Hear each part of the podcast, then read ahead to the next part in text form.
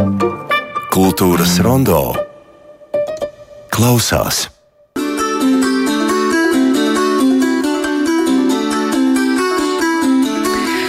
Skan kokle, un um, koklētāja Laima Jansona ir šeit studijā. Sveiki, Laima! Labdien! Kāda sajūta ir klausīties, nu jau tādu pasenāku ierakstu? Tāda ļoti dzīvīga. Ir dzīvīga, tas ir labi.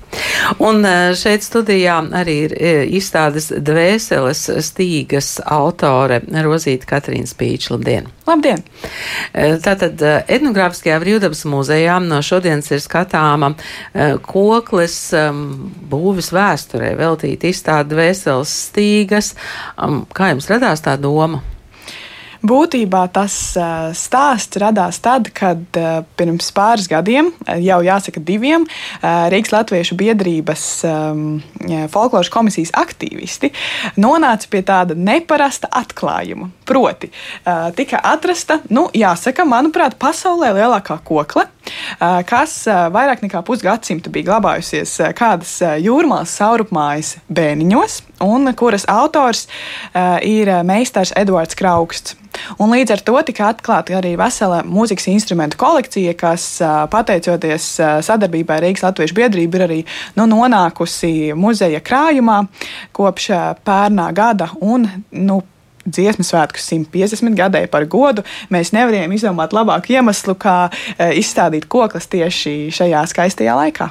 Kā jūs varat izskaidrot to, ka tā kokla bija tur tik ilgi glabājusies, nevienam nezinot par to? Jā, meistars Edvards Krauksts vispār ir ļoti interesanta personība, jo viņam ir bijis ārkārtīgi interesants mūžs, un arī šodien izstādes atklāšanā piedalīsies viņa dēls Viesturs Krauksts, kurš no tēva arī mācījies koklēšanu. Un tas stāsts ir tāds, ka viņam bija ļoti liela interese par mūsu tautas folkloru un garamantām, un tāpēc viņš ir arī vācis folkloru. Un vienā brīdī bija tā, ka bija arī tāda saķeršanās ar tā laika, ar tā laika valdību. Un tāpēc nācās visus šos instrumentus paslēpt un, un, un glabāt, un arī viņa ģimene ļoti ilgu laiku pēc viņa aiziešanas nezināja, nezināja ka šie instrumenti eksistē. Un tad, kā teikt, laika ejot, arī um, Es teiktu, ka tas ir ļoti liels brīnums un arī pierādījums tam, ka 21. gadsimtā mēs varam atrast šādas mūsu tautas bagātības. Tāpēc tikai jāturpina meklēt. Jā, es domāju, ka mēs varam mūsdienās priecāties, ka tās koklas ir tik labi saglabātas. Viņas ir spēlējamas vai nu, izstādāmas? Viņš, viņas ir izstādāmas, bet kas ir ļoti interesanti, ka līdz ar viņa koklēm tika atrasts arī viņa mūzikas instrumentu reģistris. Proti, tā, tā ir tāda piezīmju grāmatiņa, kur viņš bija ļoti sīki un detalizēti pierakstījis, kā viņš ir veidojis šos mūzikas instrumentus, kas viņam ir arī iegravēts. Jo, piemēram, abos diškoklas sānos ir īpašas zīmes iegravētas, un pateicoties šim reģistram, mēs arī varējām atšifrēt, ko tas nozīmē. Un tad arī bija ne, iespējams atšifrēt šos pašus mūzikas instrumentus. Protams, ka visi reģistrī redzamie instrumenti nav saglabājušies, bet tomēr pat teju 20 nu, ir nonākuši muzeja krājumā. Un tagad izstādēt veselas stīgas ir apskatāms, cik daudz vai, vai, vai cik tālā pagātnē un cik tālu līdz mūsdienām tapušas koklis. Mēs esam mēģinājuši izstādēs koncepcijā ietvert to, ka tā izstāsta šo koklas ceļu, cauri laikiem, sākot ar pirmajiem arheoloģiskiem kokļu atradumiem mūsu Latvijas teritorijā un beidzot ar to, kāpēc jaunieši 21. gadsimtā vēl aizvien koklē. Un tāpēc arī šīs koklas, kas ir redzamas mūsu ekspozīcijā, ir no dažādiem meistariem, jo mēs mēģinājām arī parādīt šo kokļu dažādību mūsu, mūsu kultūrā. Un tāpēc šīs koklas ir no dažādiem meistariem. Tur nav tikai krauksts, bet arī dzen, citas mūsu muzeja krājumā esošās koklas. Nu, piemēram, arī tāda vecmeistara koklas kā Pētera Korāta, kam šodien būtu bijusi vārdiena, vai Jāņa Poriķa. Jā, un cik varēja redzēt no fotografijām, tad uh, koklis tumsā levitē. Jā, koklis tiešām levitē, viņas ir gaisā, un uh, tad varētu rasties jautājums, nu, kāpēc tas tā ir?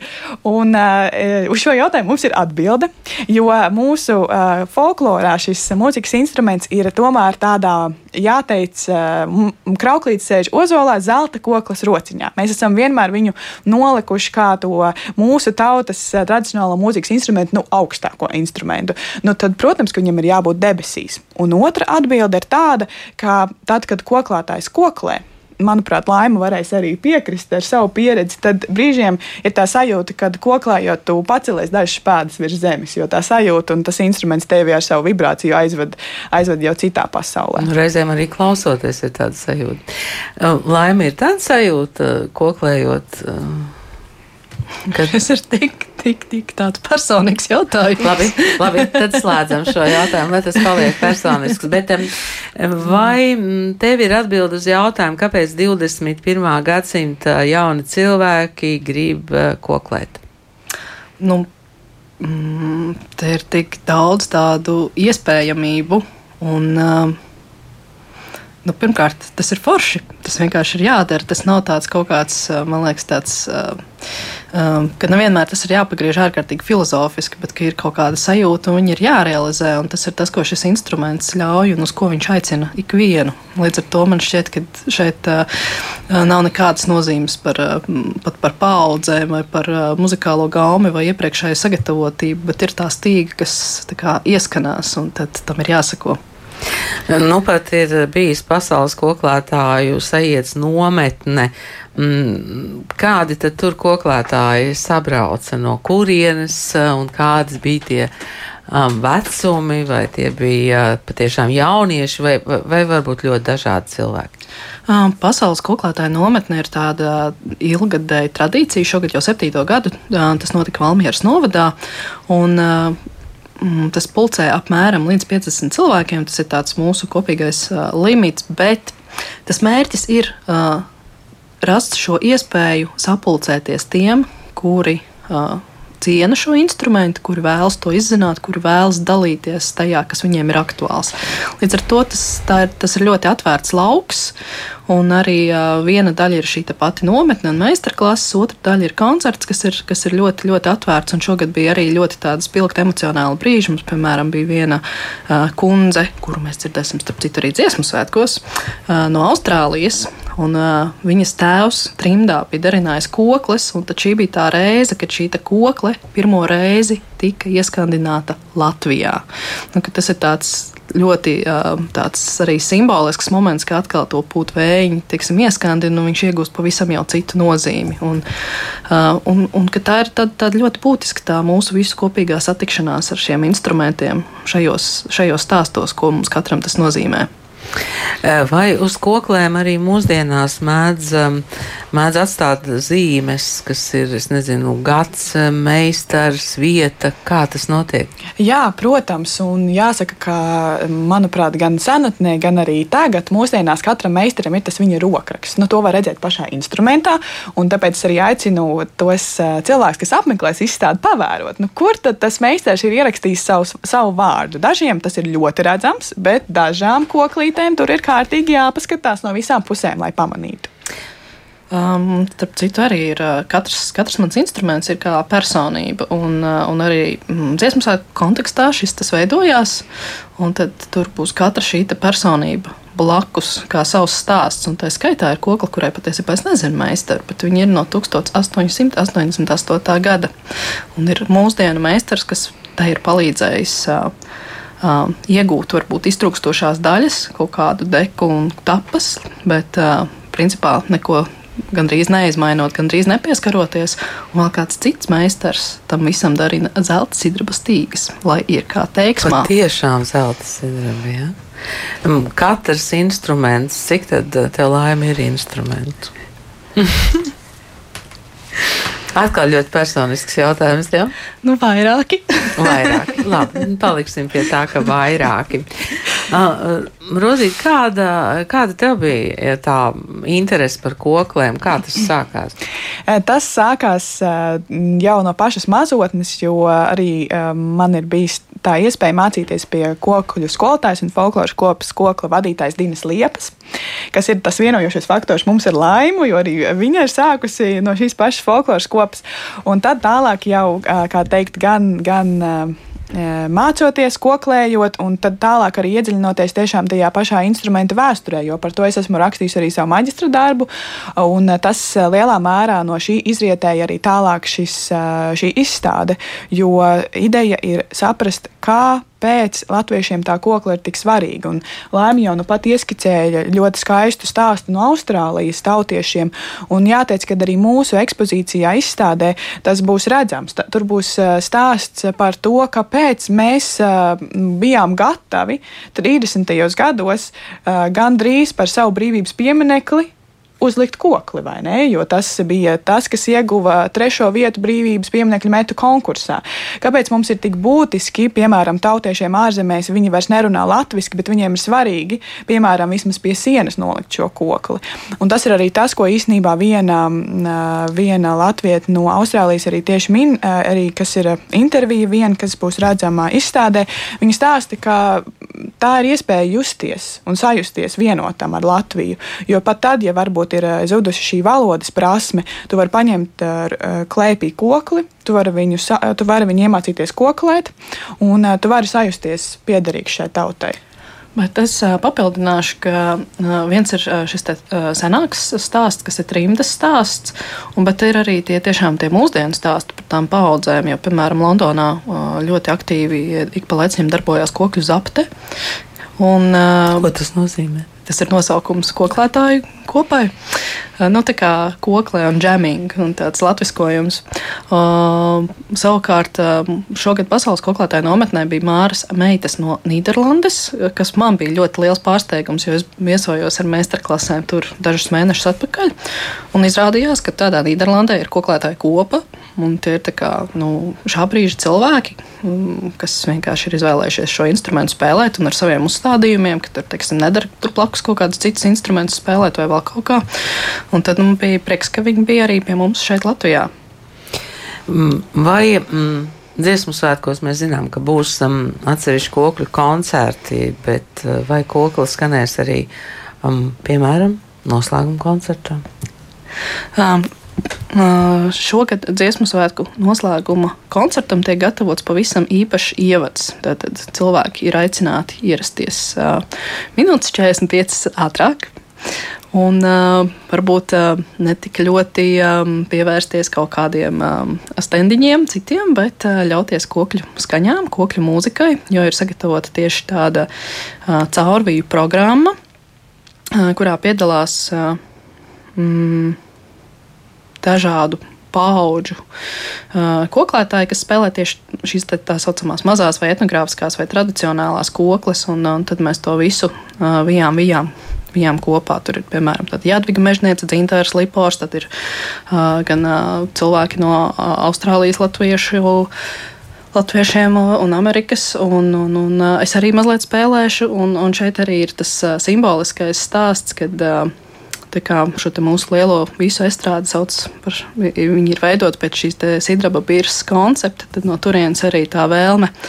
Uh, mazliet atjaunot to pavisam seno kokli un no tās zelta stīgas arī iesākt šo stāstu. Tā kā, ja kāds vēlas to dzirdēt, nāciet laicīgi, mēs jums spēlēsim. Jā, tā bez stresa, tā būs tāda gandrīz meditācija. Meditācija, ambience, iekšējais stāsts, noskaņošana un uzskaņošana un sagatavošanās šim te lielajam noslēgumam. Brīvdabas muzejā arī kūklis skanēs?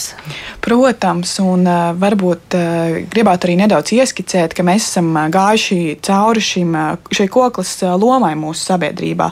Un, tāpēc ir arī atsauce uz dziesmu svētkiem, jo mēs esam meklējuši atbildes to, kāpēc Niklaus Strunke vai, piemēram, Jānis Rozentāls jau tālajā 1910. gadā ir par dziesmu svētku plakātos vienmēr ir licis tieši kokli.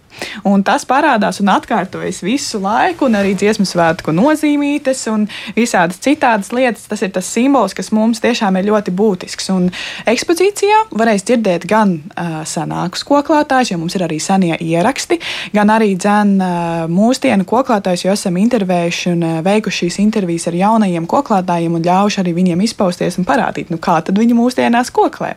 Un, uh, tur ir arī tas jautājums par to, ko tad viņiem nozīmē tā kokla un vai vai viņi uztver savu kokli kā personu, vai viņiem liekas, ka tas, ka tas ir kaut kas dzīves vai nedzīves.